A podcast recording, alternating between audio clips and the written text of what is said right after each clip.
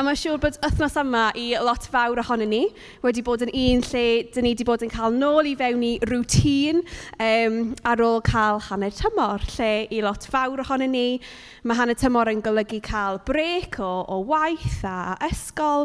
Um, Ac i fi, oedd yn rili, really, rili really neis cael y teulu i fyny, cael mam dad a'r y bec i fyny am yr wythnos. Um, a maen nhw'n caru yr ardal yma am lot fawr o'r rhesymau. Un oherwydd dwi yma, goes without saying. Ond hefyd, maen nhw'n caru y golygfeydd o gwmpas, y harddwch, y caffis a'r siops. So, pan maen nhw'n dod i fyny, mae yna wastad request bach o lefydd i fynd a pethau i wneud tra bod nhw i fyny. Felly tro hyn, oedd request i fynd i caffi braf yn Dinas Dinlle a mynd am dro bach. So ni'n hapus iawn gyda'r awgrym yma. Um, So, dyna be natho ni. Athon ni lawr i Dinas Dinlle ar y dydd Mercher o hanner tymor.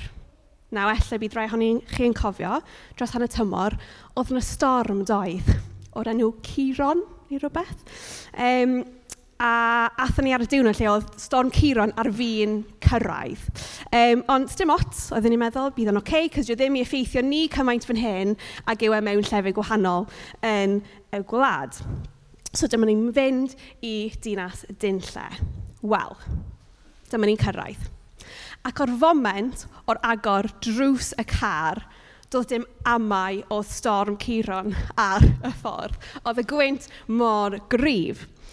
Ond, oeddwn ni chydig yn gynt i cael byrdd ni yn, dina, yn, yn braf, so penderfynwn ni trio mynd am dro bach. Uh, Ella ddim y penderfyniad gorau oedd hynna, achos oedd y gwynt mor, mor gryf.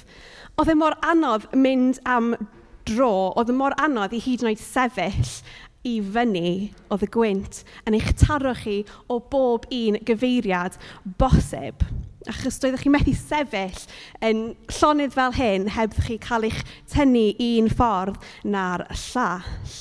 Oedd yn rili, rili anodd aros ar ein traed, ac oedd gravity rili gofio gweithio overtime y diwrnod yna. Ond, oedd yna rai pethau oeddwn ni'n gallu wneud i helpu ychydig. So un di bod peidio mynd am dro, ond So un peth i helpu oedd ddim cymryd cam y mawr i colli balans ni, cadw'r dau troed ar yr, ar yr um, llwybr. Hefyd, ddim yn trio tynnu dy ffôn allan o dy boced i tynnu fideo o'r storm yn digwydd, cos dydy hynny ddim yn helpu gyda'r balans. Oedd yna pethau allu wneud i helpu ni aros yn cadarn er y gwynt o'n gwmpas ni. Ac yn y darn nesaf o'r llyfr at y Philippiaid, Mae Paul yn pwysleisio i'r eglwys yna o bwysigrwydd o sefyll yn cadarn yn ei ffydd. Neu sut mae Beibl.net yn ei gyfieithu i aros yn ffyddlon i'r arglwydd. Nawr y pryd o'r llythyr yn cael ei ysgrifennu ac anfon, roedd yr eglwys yn Philippi yn gwynebu arledigaeth mawr oherwydd eu ffydd nhw yn Iesu Grist. Felly oedd Paul yn ei annog nhw er gweitha yr er erledigaeth a'r ym amgylchiadau oedd nhw ynddo i aros yn ffyddlon i'r arglwydd a sefyll yn cadarn ynddo fe. Ac i ni heddiw yn ein diwylliant gorllewin, dyn ni ddim necessarily'n gwynebu arledigaeth fel y Philippiaid, ond dyn ni dal yn profi yr stormydd a'r gwyntoedd sydd yn ein trio i'n ansefydlu ni trio ein tynnu ni i ffyrdd o be sydd yn boesig, ein ffydd a'n bywyd yn Iesu Grist. Efallai salwch, poes y bywyd, amgylchiadau o'n cwmpas yn ein byd a chymdeithas, anghyfiawnder i enwiond am ychydig. Ac roedd Paul yn gwybod yn iawn am hyn, a beth oedd e i gael ei erlyd. Cael gwyntoedd yn chwythu yn ei erbyn. Ond hefyd, roedd yn gwybod yn iawn pa mor boesig oedd o i sefyll yn cadarn. Felly mae'n annog yr eglwys yn Philippi ac yn ein hannog ni gyd heddiw i fod yr un peth. So mae Paul yn dod i diwedd y llythyr ar y pwynt yma. Ac mae'n gadael y Philippiaid gyda rhai anogeithau neu fel teitl pregeth, rhai adnoddau fel petai, o'r pethau fydd yn eu helpu nhw i allu sefyll yn cadarn yn yr arglwydd. Felly, dyn ni'n darllen o Philippiaid penod pedwar. Frodyr a chwiorydd anoel. Dwi'n eich caru chi gymaint ac yn ei reithi amdano chi. Dych chi'n fy ngwneud i mor hapus a dwi'n mor falch ohonoch chi. Felly dal, daliwch ati arhoswch yn ffyddlon i'r arglwydd Dwi'n apelio ar Eodia a Syntyche i ddod ymlaen ei gilydd am mae bod yn perthyn i'r arglwydd. A dwi'n gofyn i ti, fy mhartner ffyddlon, ei helpu nhw. Mae'r ddoi yn rhagair sydd wedi broedro gyda mi o'i blaid y newyddion da, gyda Clement a pob un arall o'm cydweithwyr. Mae eu henwau i gyd yn llyfr y bywyd. Byddwch yn llawen bob amser am eich bod yn perthyn i'r arglwydd. Dwi'n dweud eto, byddwch yn llawen. Gadewch i baw weld eich bod yn bobl garedig. Mae'r arglwydd yn dod yn fian. Peidiwch gadael i ddim byd eich poeni chi. Gwyddiwch a gofni ddew am bopeth sydd angen arnoch a byddwch yn ddiolchgar bob amser. Byddwch chi'n profi'r heddwch perffaith mae Dew neu rhoi, y deioni sydd i hwnt i bob dychymyg, yn gwarchod eich colonnau a'ch meddyliau wrth i chi ddilyn y Mesoea Iesu. Ac un peth arall i gloi ffrindiau. Meddyliwch bob amser am beth sy'n wir ac i'w edmygu, am beth sy'n iawn i wneud, yn bir, yn gyredig ac yn anrhydeddus. Hynny ydy popeth da ac unrhyw beth sy'n heiddi ei ganmol. Gwnewch y pethau hynny dych chi wedi ei dysgu a'i gweld, ei clywed gen i a bydd y Dyw sy'n rhoi e heddwch gyda chi.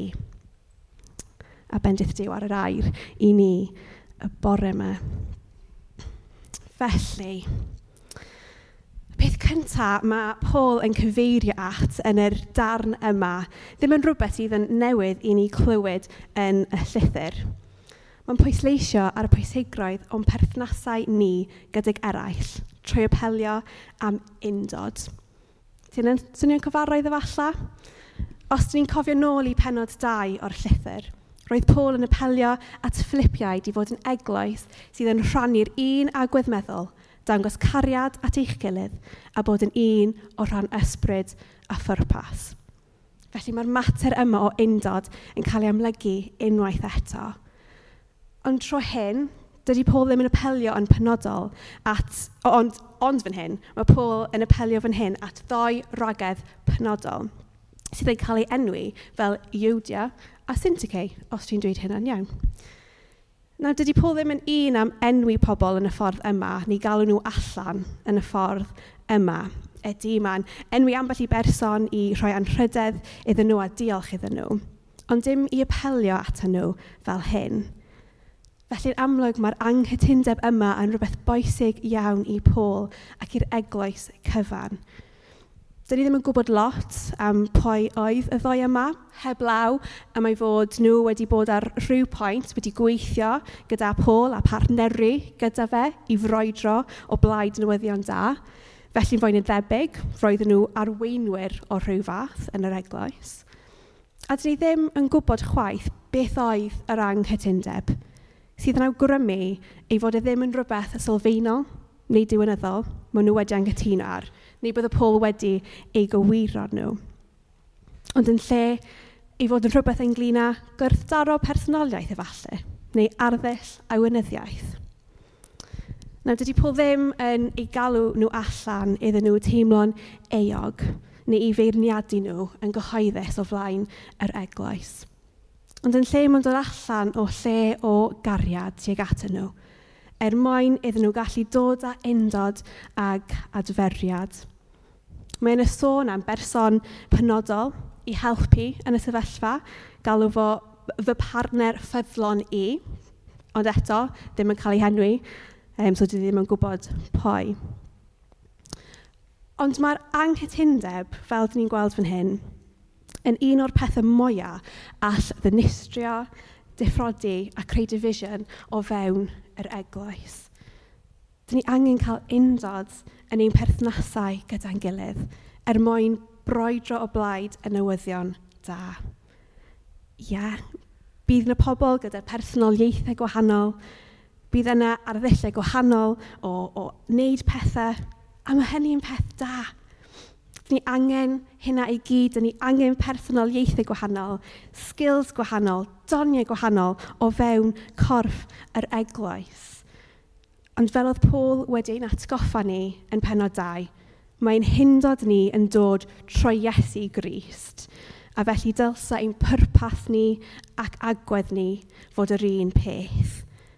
A mae'n methu bod os mae yn y tensiynau ac anghytundeb yn ein perthnasau gyda'n gilydd. A jyst fel mae perthnasau ni gyda'r eraill yn boesig ac yn helpu ni i sefyll yn cadarn yn yr arglwydd, mae'n perthynas ni gyda Dyw hefyd yn peth boesig iawn. I ni allu wrthsefyll y gwynt, yn erbyn y gwynt sy'n gallu bod o'n gwmpas ni. Felly, yn yr adnodau nesaf, mae Paul yn mynd ymlaen i ddweud hyn – Byddwch yn llawen bob amser am eich bod yn perthyn i'r arglwydd. Dwi'n dweud eto, byddwch yn llawen. Pan dyn ni'n meddwl am llawenydd ac amseroedd o hapusroedd a llawenydd, mae'n siŵr bod lot fawr ohonyn ni yn gallu meddwl am rhywbeth, a mae'n siŵr bod nhw'n ymwneud â sefyllfa, rhywbeth oedd wedi digwydd, amgylchiad, efallai derbyn newyddion da, cael hanner tymor off, mynd ar goeliau, neu cael amser arbennig efo teulu a ffrindiau. Ond dydy'r pethau yma ei hunan ddim yn ein gwneud ni'n llawen bob amser. Achos ar ôl cael hanner tymor off, dych chi gofod mynd nôl i ysgol a gwaith. Ar ôl mynd ar goeliau, yn yn drist iawn, dych chi gorfod dod yn ôl i reality bywyd achos mae'n dibynnu, mae'n dibynnol ar amgylchiadau penodol. A dyna ydy'r gwahaniaeth rhwng hapusroedd a llawenydd. Ond nid hapusroedd mae Paul yn ei sôn amdano fan hyn, ond llawenydd. Dyn ni gallu bod yn llawen bob amser, nid oherwydd amgylchiadau, ond oherwydd Dyw. Oherwydd pwy ydy Dyw, ei natur, ei gymeriad, a beth mae wedi gwneud ac yn parhau i wneud ynddo ni a troeddo ni. A'r ffaith fel oedd arwel di atgoffi ni a dechrau gwasanaeth bod ni'n perthyn iddo. Dyna sut dyn ni'n gallu bod yn llawen. A dyna sut ni'n gallu bod yn llawen er ein hamgylchiadau ac er y pethau anodd a ddioddefaint dyn ni'n gallu gwynebu. Oherwydd mae Dyw yr un peth ddoe heddiw ac yfory. Ac o hynna gallwn ni fod yn hollol sicr a chadarn. Fel mae adnodau yn Nehemia penod oeth yn dweud, bod yn llawen yn yr arglwydd sy'n rhoi nerth i chi. Mae Paul hefyd yn annog y Philippiaid, gadewch chi pawb weld eich bod yn pobl gyredig, mae'r arglwydd yn ddod yn fian reswm arall i ni fod yn ffyddlon i'r arglwydd a sefyll yn gadarn, oherwydd mae'n dod yn ôl a bydd yn dod ag adferiad lloer i ni a'r byd o'n cwmpas. A wedyn, dyn ni'n cael yr adnodau yn adnod 6 a 7. Peidiwch gadael i ddim byd eich poeni chi. Gwyddiwch. a gofyn i ddiw am popeth sydd arnoch ei angen, a byddwch yn ddiolchgar bob amser – a byddwch chi'n profi'r heddwch perffaith mae Dyw ni roi, y daioni sy'n tu hwnt i bob dychymyg, yn gwarchod eich colonnau a'ch meddyliau wrth i chi ddilyn y Mesia, Iesu. Nawr wrth clywed yr bit yna, dydy'r geiriau poeni heddwch a diolchgar ddim o rheidroedd yn pethau a geiriau sy'ch chi'n disgwyl clywed yn yr un brawddeg. Mae'r geiriau a beth maen nhw'n ei olygu yn hollol opposite. Mae siŵr dyn ni gyd wedi cael pobl yn dweud wrthon ni, o, paid a poeni. Neu efallai dyn ni wedi dweud ein hunan i rywun, o, peidiwch poeni, paid a poeni. Ond rhyw sut weithiau mae hynna yn neud ni poeni'n fwy um, pan dyn ni'n clywed hynna yn cael ei ddweud wrthyn ni. Ond dyna be mae Paul yn neud fan hyn. Yn hytrach, mae Paul yn dangos ni beth i'w wneud gyda'n pryder a theimladau a meddyliau a sefyllfeoedd pryderus. Gweddiwch. Gofni ddew am beth sydd arnoch angen. Beth sydd angen arnoch chi. Ond nid fel rhestr siopa dyn ni fod mynd ato, ond gyda diolch garwch Eto, dyma Paul yn pwysleisio ar y pwysigrodd o ddiolchgarwch a llawenydd. A fel canlyniad, ni'n clywed yr yddewyd hyfryd a pwerus yma. A byddwch chi'n profi'r heddwch perffaith mae Dyw neu roi, y daioni sydd i hwnt i bob dychymyg, yn gwarchod eich chalonau a'ch meddyliau, erth i chi ddilyn y Mesia, Iesu neu bydd lot fawr ohonych chi'n gwybod ar ddechrau'r haf roedd dad mewn damwain car eitha gas ac roedd yn profiad erchill i ni fel teulu mynd troi. Ac yn y dyddiau cyntaf um, ar ôl y damwain gyda dad yn yr ysbyty a cael llawer o scans ac x-rays Doedd hi ddim yn hollol sicr be byddai'n digwydd, be sy'r triniaeth gorfod bod, y rehabilitation, oedd hyd yn oed pethau fel cerdded heb cymorth yn mynd i fod yn bosib. Oedd yn amser pryderus iawn i ni fel teulu. Oedd yn teimlo fel sefyll ar llwybr dinas unlle, gyda'r gwynt yn trio chwethu fi yn personol a ni fel teulu. Ond y profiad mwyaf anhygoel o'r eithnosau yna dros yr haf oedd profi'r heddwch perffaith mae Dyw yn sôn amdano fan hyn. Er oedd pethau fel o'n i'n gwybod ac o'n i'n nabod yn newid ac yn chwethu o'n gwmpas i a'r teulu, roedd fel petai bod llonydd wedi dod yn y canol a heddwch perffaith Dyw yn ein cynnal ni troeddo yn enwedig y dyddiau cyntaf yna. Ac wrth sgyrsio gyda pobl, um, gyda rai ohonych chi, dwi wedi trio rhoi y profiad yma mewn i eiriau, ond dydw i methu. Wrth fynd at ddew gyda'n pryder, gyda'n cwestiynau, a phobl eraill yn ymuno â ni dros, yr, dros y profiad yma, yn gwybod bod Dyw yn sofran, yn gwybod bod e dal yn ddew da, a dio ddim yn newid, dyn ni'n gallu dibynnu arno fo. Cawson ni'r profiad dyfn iawn o wybod bod Dyw gyda ni ac yn ein gwarchod ni. A dyna'r heddwch perffaith sydd wedi hwnt i bob dychymyg. Doedd na ddim geiriau iddo mewn profiad. A dyna ydy'r iddewid i bawb sydd yn mynd ato. Er mwyn i ni allu sefyll yn cadarn a bod yn ffyddlon i'r arglwydd, dim jyst y pethau allanol sydd yn bwysig. Y pethau cyhoeddus, y pethau dyn ni'n gwneud a'r pethau mae pobl o'n gwmpas ni yn gallu gweld. Dydy un ffydd ni ddim jyst yn rhywbeth sydd yn cael ei weithio allan troeddo ni, ond yn rhywbeth sydd yn cael ei tyfu a dyfnhau a greiddio tu fewn i bob un ohono ni. A mae Paul yn cyffwrdd ar hyn er sôn am ein meddyliau ac ein colonnau. Mae'n dweud meddyliwch bob amser am beth sy'n wir ac i'w edmygu, am beth sy'n iawn i'w wneud, yn bir, yn gyrredig ac yn anrhydeddus. Hynny ydy popeth da ac unrhyw beth sy'n heiddi ei canmol. Yr er hyn sy'n tu fewn i ni, yr er anweledig, y pethau dim ond diw sydd yn gallu ei weld. Dyn ni'n pobl o gorff, meddwl ac enaid. Felly mae colonna ni a'n meddyliau ni yn pethau holl boesig. Mae yn y dywediad dis o hyd ar paratoi sy'n dweud hyn, a na i dweud y cwpl o weithiau, cos o'n i ddim wedi all chwaith y tro gyntaf, ond dwi'n meddwl bod yn rili really boesig.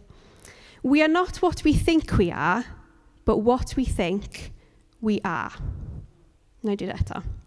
We are not what we think we are, but what we think we are. Ac arth i fi deall o gynta, a wedi myfyrio drosto fo, mae'n peth mor wir.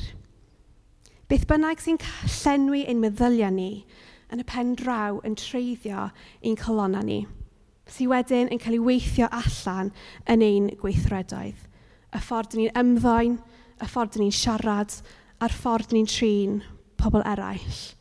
Felly fel mae Paul yn dweud, maen nhw angen cael eu gwarchod.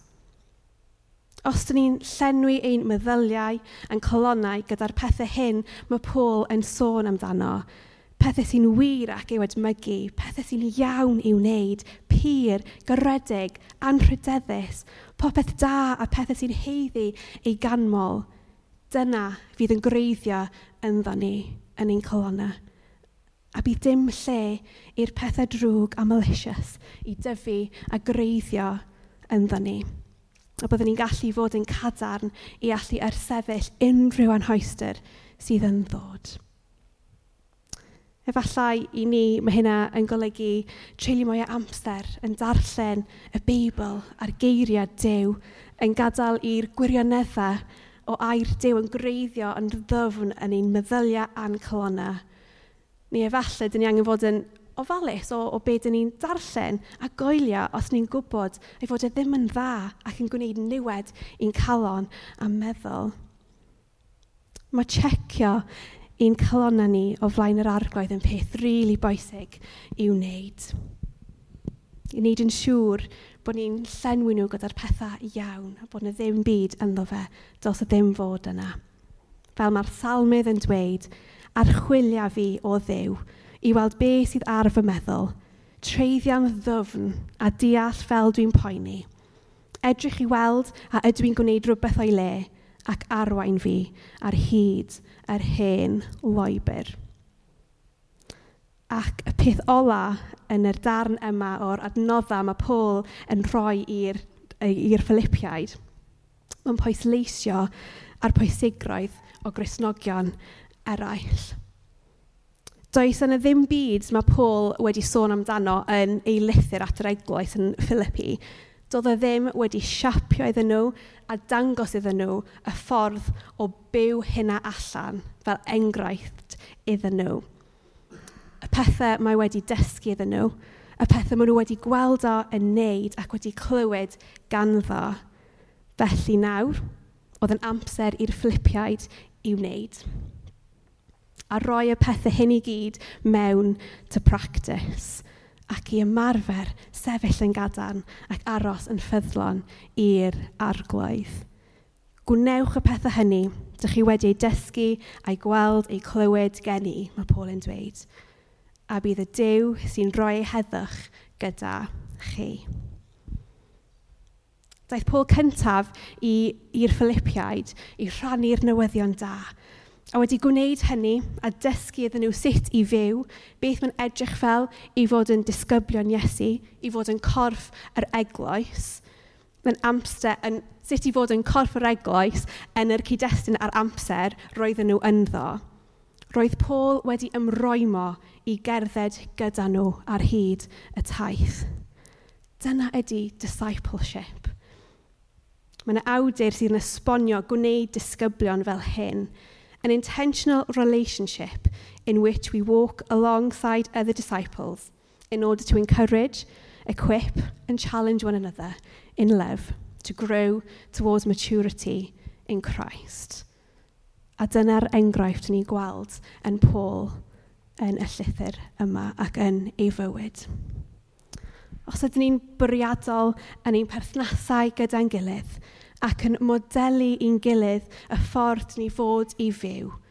Wedyn byddwn ni'n tyfu ac yn datblygu fel y pobl mae Dyw wedi creu ni i fod, i allu sefyll yn cadarn ac yn ffyddlon i'r arglwydd.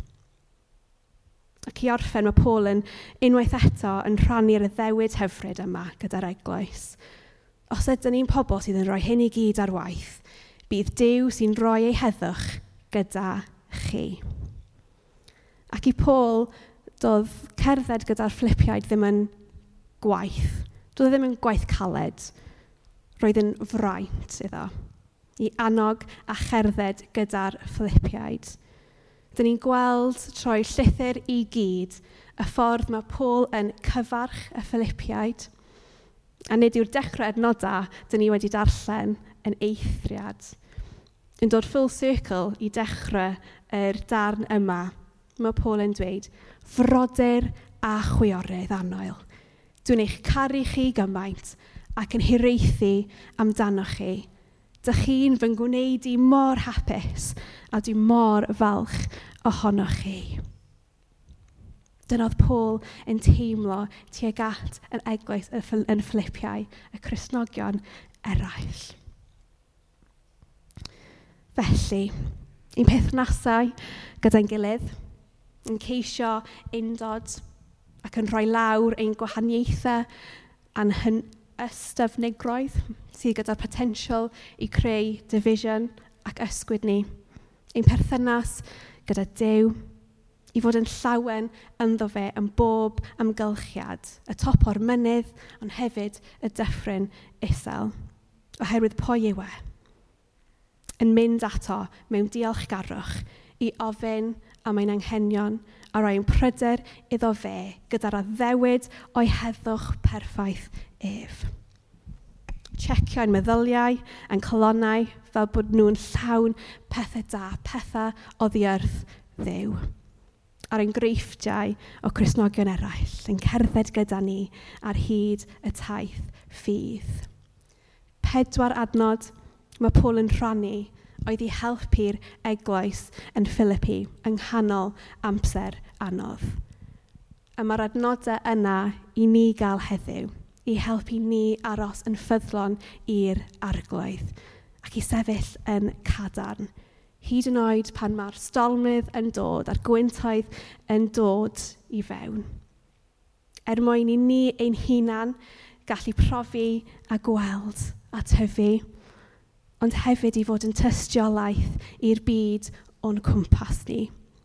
I ni allu broedro o blaid newyddion da, fel Paul, a gweld teirnas Dyw yn lledeini.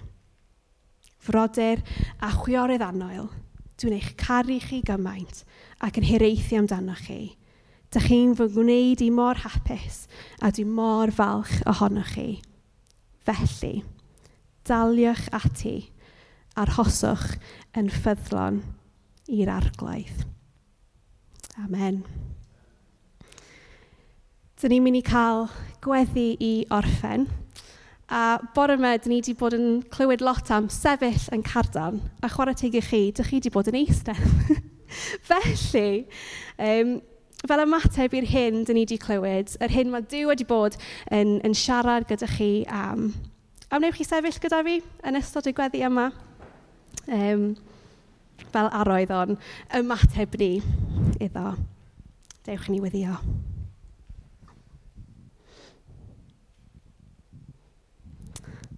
O ddew, diolch i'n bod ni'n pobl sydd yn byw yn goleini yr atgyfodiad. Dyna ni'n dinasyddion yn nefoedd. Ti gyda'r gobaith sicr yno ti arglwydd. Ac oherwydd hyn oherwydd dy, dy aberth mwyaf di, dyn ni'n gallu bod yn ffyddlon i ti. Dyn ni'n gallu sefyll yn cadarn yno ti, yr un sydd ddim yn newid, yr un sydd yr un peth ddoe heddiw ac y fori.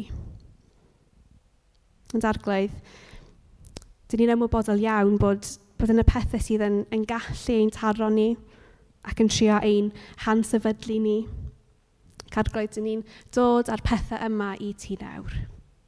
Bydd yna pethau gwahanol i ni gyd, ond dyn ni'n dod â nhw naw o'th flaen di.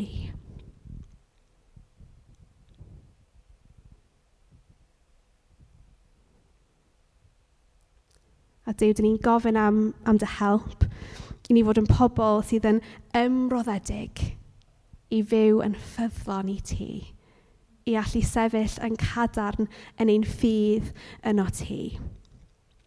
Arglwydd helpa ni trwy'n perthnasau gydag eraill. I cael yr undod yma, i ni allu cydweithio gyda'n gilydd, er mwyn weld pobl yn dod i profi a dynabod di. Yn ein perthynas gyda ti. Bod yn llawen a diolchgar yn pob sefyllfa oherwydd pwy o'i ti.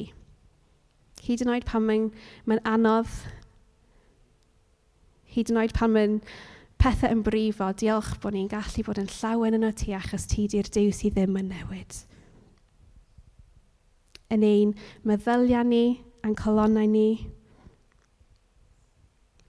bod nhw'n cael eu llenwi gyda pethau o ti. Dim pethau'r byd neu lle mae'r un drwg eisiau dod i fewn a trio dynistrio, ond yn dywirion wirioneddau. A hefyd troi dysgu eith grisnogion eraill a cherdded gyda'n gilydd. Arglwydd dangos i ni fel unigolion sut ni'n gallu tyfu a'r llefydd penodol, dyn ni angen mwy o tyfiant yn ni. Er mwyn i ni allu bod yn cadar yn y tŷ, a hefyd i fod yn eglwys gryf sydd yn tystiolaeth wedyn i'r byd o'n cwmpas ni. I weld pobl yn dod i fewn i dy deyrnas di, yn profi bywyd llawn yno ti. Dy enw di, dyn ni'n gweddio arglaidd. Amen.